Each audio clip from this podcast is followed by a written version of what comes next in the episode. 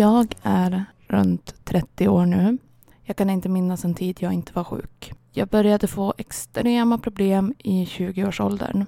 Jag fick efter många om och men hjälp av en läkare. En läkare som inte var bra alls. Jag kommer berätta om läkarbesök och journalanteckningar framöver. Jag har sparat allt. År 2015 fick jag i alla fall min diagnos, fibromyalgi. Det har varit en extrem kamp mot sjukvård, mot min egna kropp. Jag tror att alla ni som är sjuka i något liknande känner precis vad jag känner. Jag kollade runt lite och upptäckte att det finns ingen podd som den här. Jag vill att vi ska höras. Jag vill att vi ska synas. Det är inte okej okay hur vi blir behandlade många gånger. Jag vill inte enbart klaga i den här podden och det kommer jag inte göra heller. Men jag vill belysa alla problem som finns när man är osynligt sjuk. För det är just det vi är. Vi är osynligt sjuka. Jag kan tänka mig att många, många av er som lyssnar på det här nu har upplevt ungefär samma resa som jag har gjort i sjukvården. Det kommer vi gå igenom senare också. Och det är även därför jag vill ha in berättelser av er jag kan läsa upp i podden. För det är så viktigt att vi blir hörda. Vi måste visa att det är inte bara jag som sitter och startar den här podden på fritiden som, som är drabbad. Det är vi allihopa. Så därför ber jag er skriva in till mig på fibropodden på Instagram eller fibropodd.gmail.com. Ni kan givetvis välja att vara anonyma. Jag kommer återkomma till mig själv i ett senare poddavsnitt. Just idag vill jag fokusera på att belysa vad det innebär att vara just osynligt sjuk. Det finns många, många diagnoser på det här. Det finns så himla många olika sjukdomar som, som inte syns helt enkelt och det tror jag att ni också vet. Det jag vill börja med idag är att gå igenom the spoon theory som Christine Messerandino har kommit fram till. Som hon använder för att beskriva sin, sin lupus. Så jag tänkte läsa upp den här på svenska. Jag har hittat en översättning hos minimamsen.blogg.se så den tackar vi för. Min bästa vän och jag var i fiket och pratade. Som vanligt var det väldigt sent och vi satt och åt pommes frites med sås. Som vanliga tjejer i vår ålder tillbringade vi mycket tid på fiket i college och den mesta tiden tillbringade vi pratande om killar, musik eller triviala saker som verkade mycket viktiga vid den tiden. Vi gjorde aldrig allvar av något särskilt och tillbringade största delen av vår tid skrattandes. När jag gick för att ta en del av min medicin med ett mellanmål, som jag brukade, så stirrade min kompis besvärat på mig istället för att fortsätta samtalet. Hon frågade mig sedan ur det blå hur det kändes att ha lupus och vara sjuk. Jag var chockad inte bara för att hon frågade den slumpmässiga frågan, men också för att jag antog att hon visste allt som fanns att veta om lupus. Hon följde med mig till läkaren. Hon såg mig gå med käpp. Hon såg mig kräkas i badrummet. Hon hade sett mig gråta av smärta. Vad mer fanns att veta? Jag började pladdra på om tabletter och värk och smärta. Men hon fortsatte fråga och verkade inte nöjd med mitt svar.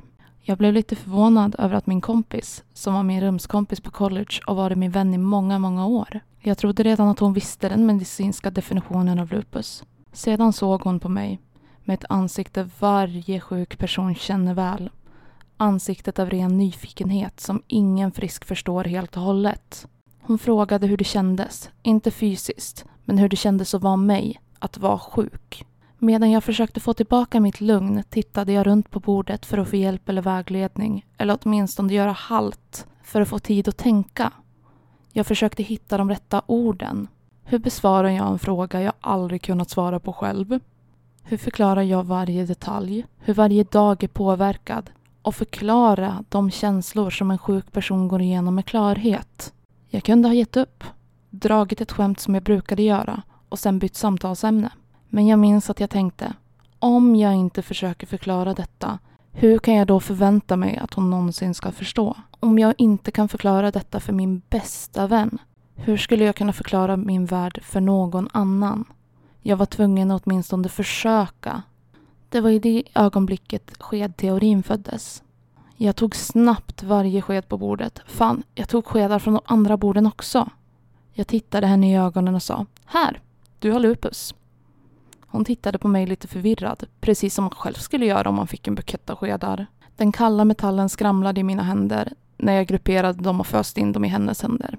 Jag förklarade att skillnaden i att vara sjuk eller vara frisk är att behöva göra val eller att medvetet tänka på saker när resten av världen inte behöver.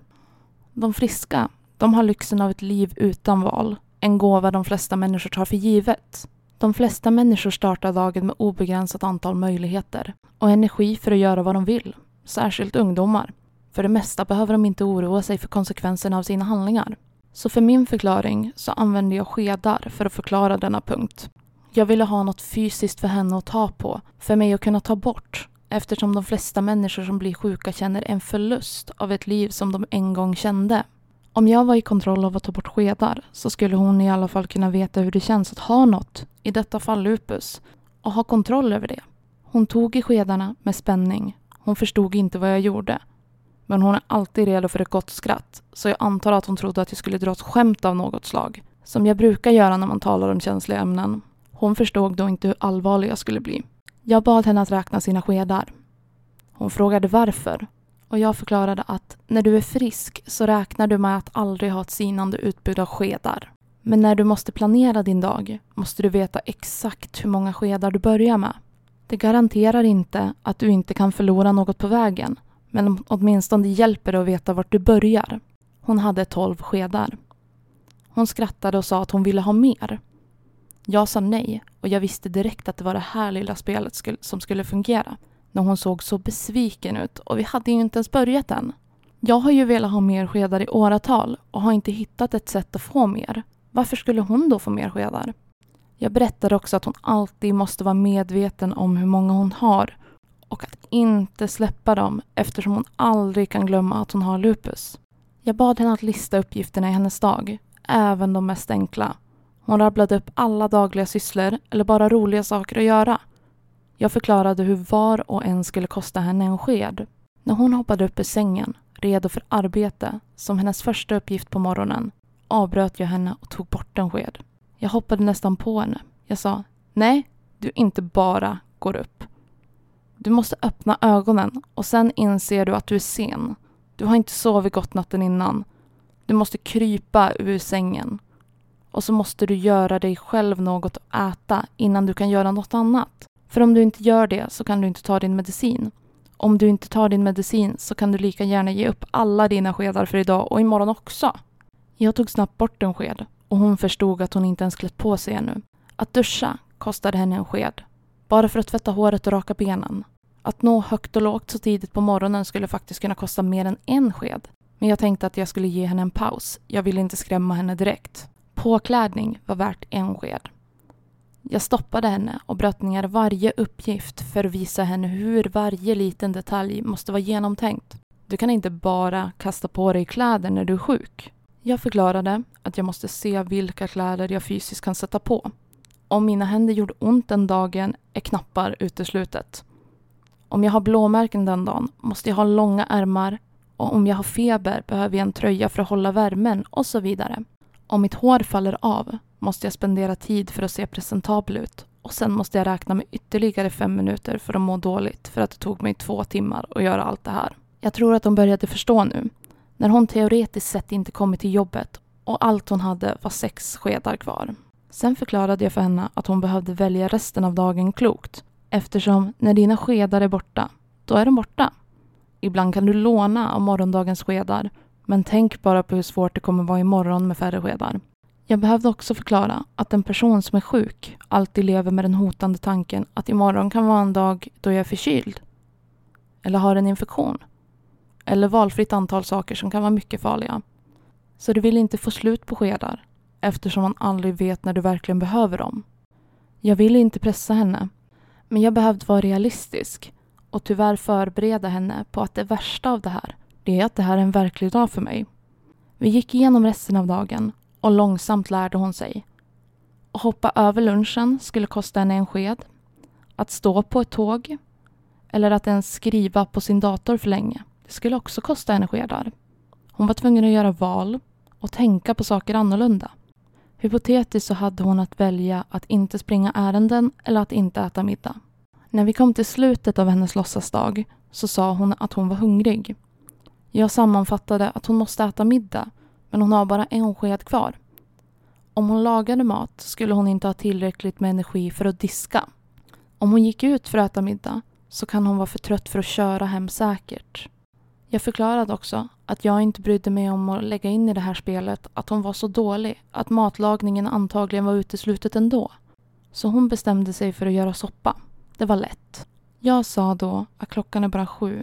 Du kanske kan sluta med en sked så du kan göra något kul. Eller göra rent i din lägenhet eller göra andra sysslor. Men du kan inte göra allt. Jag ser henne sällan så känslosam. Så när jag såg henne upprörd visste jag att jag kanske nådde fram till henne. Jag ville inte att min vän skulle vara upprörd. Men samtidigt var jag glad över att tänka att till slut så kanske någon förstod mig lite. Hon hade tårar i ögonen och frågade tyst. Christine, hur klarar du det här? Vill du verkligen göra det här varje dag? Jag förklarade att vissa dagar var värre än andra. Och vissa dagar har jag mer skedar än vad jag kanske har de andra dagarna.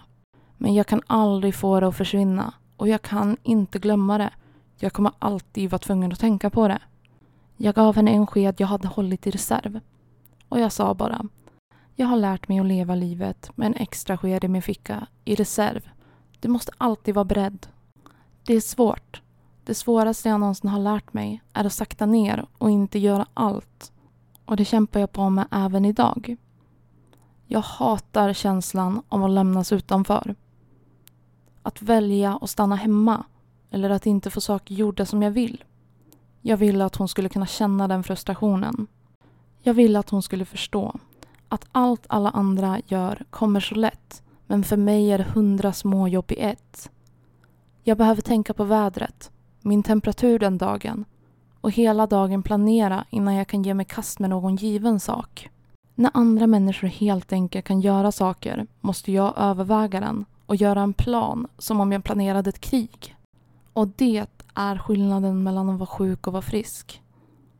Det är den vackra förmågan att inte tänka och bara göra. Jag saknar den friheten. Jag kan aldrig undvika att räkna skedar. Efteråt så blev vi känslosamma och talade om det här i en stund till. Då kände jag att hon blev ledsen. Kanske förstod hon till slut. Kanske insåg hon att hon aldrig riktigt och ärligt kunde säga att hon förstår. Men åtminstone nu så kanske hon inte skulle klaga så mycket när jag inte kan gå ut på middag vissa kvällar. Eller när jag aldrig verkar kunna komma hem till henne utan hon måste alltid komma till mig. Jag gav henne en kram när vi gick ut ur fiket. Jag hade en sked i handen och jag sa Oroa dig inte. Jag ser detta som en välsignelse. Jag har varit tvungen att tänka på allt jag gör. Vet du hur många skedar människor kastar varje dag? Jag har inte plats för bortkastad tid. Eller att slösa skedar. Och jag valde att tillbringa denna tid med dig. Ända sedan denna natt har jag använt skedteorin för att förklara mitt liv för många människor. Faktum är att min familj och mina vänner ser skedar hela tiden. Det har varit kodord för vad jag kan och inte kan göra. När människor förstår skedteorin verkar de förstå mig bättre. Men jag tycker också att de lever sitt liv lite annorlunda efter det. Jag tycker att det här funkar för det är inte bara de som har lupus och förstår det. Men vem som helst som har att göra med något handikapp eller en sjukdom. Förhoppningsvis tar de inte för mycket för givet, eller livet i allmänhet för givet. Jag ger en bit av mig själv, i varje mening när jag gör någonting. Det har blivit ett internt skämt. Jag har blivit känd för att skämta med folk och skämtsamt säga att de ska känna sig speciella när jag umgås med dem, eftersom de har en av mina skedar.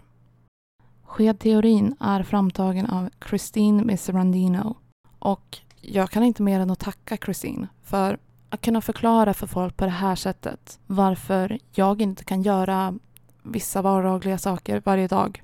Ja men tusan, bara att förklara för sambon varför man inte klarar av att diska. En sån enkel sak. Anledningen till att jag ville ta upp just the spoon theory var för att jag kände att det är en bra inledning på en podd om just, om just fibromyalgi, om just osynliga sjukdomar. Jag har i så många år blivit misstrodd av vänner, sjukvård, arbetsgivare, you name it. Jag kan inte ens börja och förklara alla gånger jag har blivit misstrodd. Och jag vet att ni med största sannolikhet känner med mig. Men det finns ju inte bara negativt i det här.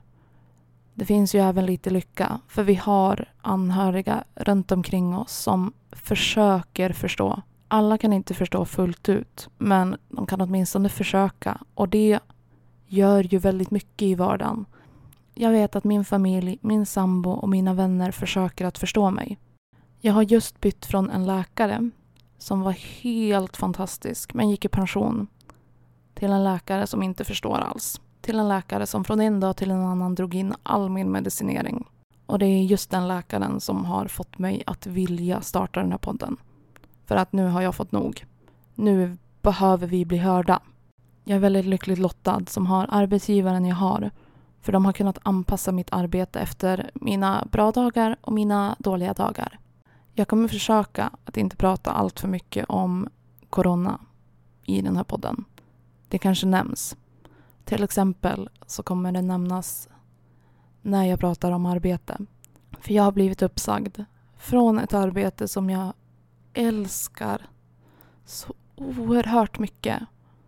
Det, det gör så himla ont. För att jag har aldrig någonsin varit på ett företag som har tagit hand om mig så, så väl. Och för, försökt att förstå min problematik. Så att när jag pratar om arbeten i ett kommande avsnitt så kommer jag behöva prata om corona. I och med att det rör min nuvarande arbetssituation. Men i övrigt så känner jag att vi har tillräckligt mycket ångest. Vi vill inte behöva fokusera på just det här viruset också. För jag vet att många av oss som har problematik skulle kunna ligga i riskzon att bli väldigt dålig av just det här viruset. Det kommer inte tas upp här. Jag har precis fått börja på en behandling som jag kommer prata mer om. Som ger mig nedsatt immunförsvar. Men jag är inte orolig för min egen del. Jag är snarare mer orolig för er andra som faktiskt har annat underliggande. För jag vet att med osynliga sjukdomar som fibromyalgi och nu lyckades jag inte nämna en enda annan till. Men för nu står det bara still. Nu tänker jag bara på arbete och så vidare. Jag vet att många av er som lyssnar på just detta skulle kunna bli riktigt dåliga av corona. Så vi håller den här podden coronafri i den mån det går. Jag skulle vilja tacka enormt för att ni lyssnat idag. Vi behöver höras. Vi behöver synas. Vi är trötta på att bli misstrodda. På att få ta skit från sjukvård konstant. Nu kör vi. Nu krigar vi på. Och jag är beredd att vara rösten. För den här podden är inte bara min podd. Det är vår podd.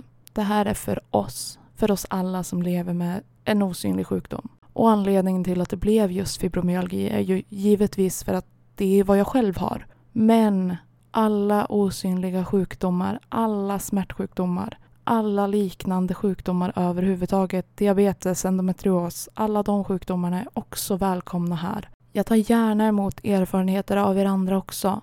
Allt som rör sjukdomar, sjukvård, arbetsliv, både positivt och negativt, tas tacksamt emot. För som sagt, nu har vi fått nog. För nu är det bara så att nu har vi fått nog. Nu är det vi som ska synas och höras. Det är nu vi kämpar. Det är nu vi ska höras. Nu är det nog med att bli misstrodda.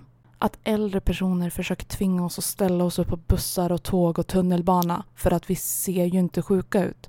Jag har jobbat med 70-åringar som är friskare i kroppen än vad jag är.